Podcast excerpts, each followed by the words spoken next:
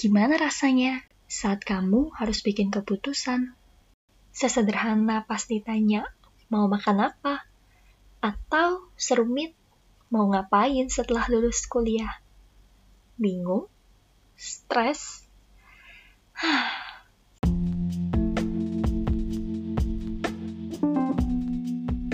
Halo, aku Vini. Sekarang kamu lagi dengerin Eksplorasa.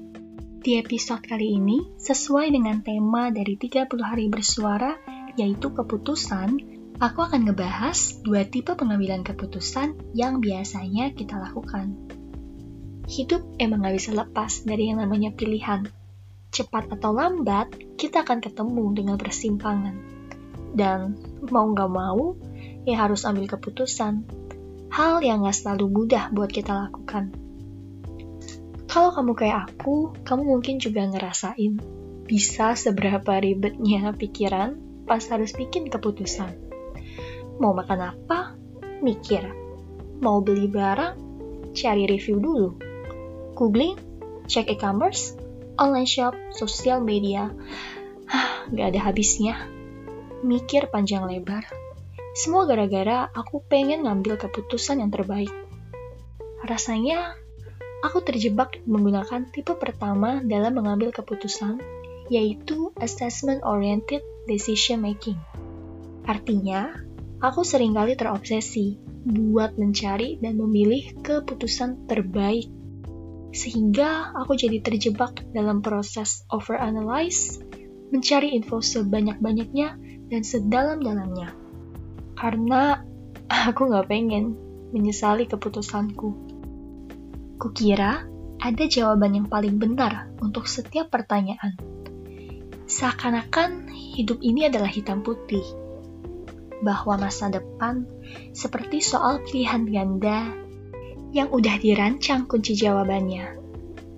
Waktu, energi, dan emosiku jadi harga yang perlu dibayar untuk mencari kebenaran itu. Ujung-ujungnya ya capek sendiri kesal sama diri sendiri karena berkutat sama hal yang gak penting-penting amat. Padahal ya gak semua hal perlu dipikir seribet dan selama itu.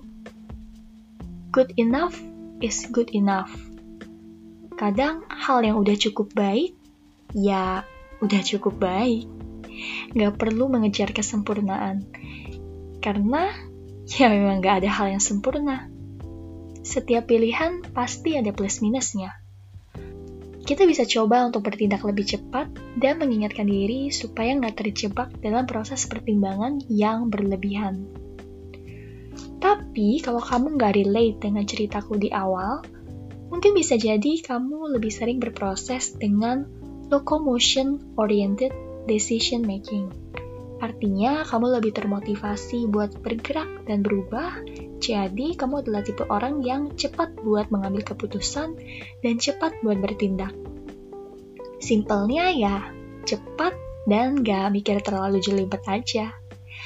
Nah, sebenarnya pendekatan ini cocok buat kita gunakan untuk mengambil keputusan hal sehari-hari.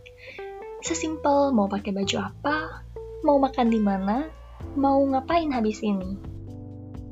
Dengan kita sadar soal proses pengambilan keputusan yang biasanya kita alami, kita jadi lebih bisa mengatur dan mengingatkan diri kita sendiri waktu kita mulai terjebak dalam proses yang overanalyze, yang sebenarnya kurang sesuai sama situasi yang ada. Don't put too much pressure on yourself. Good enough is good enough. Selama kita bisa menikmati dan menerima momen yang ada saat ini apa adanya. Sekian dariku di episode kali ini. Semoga bermanfaat. See you!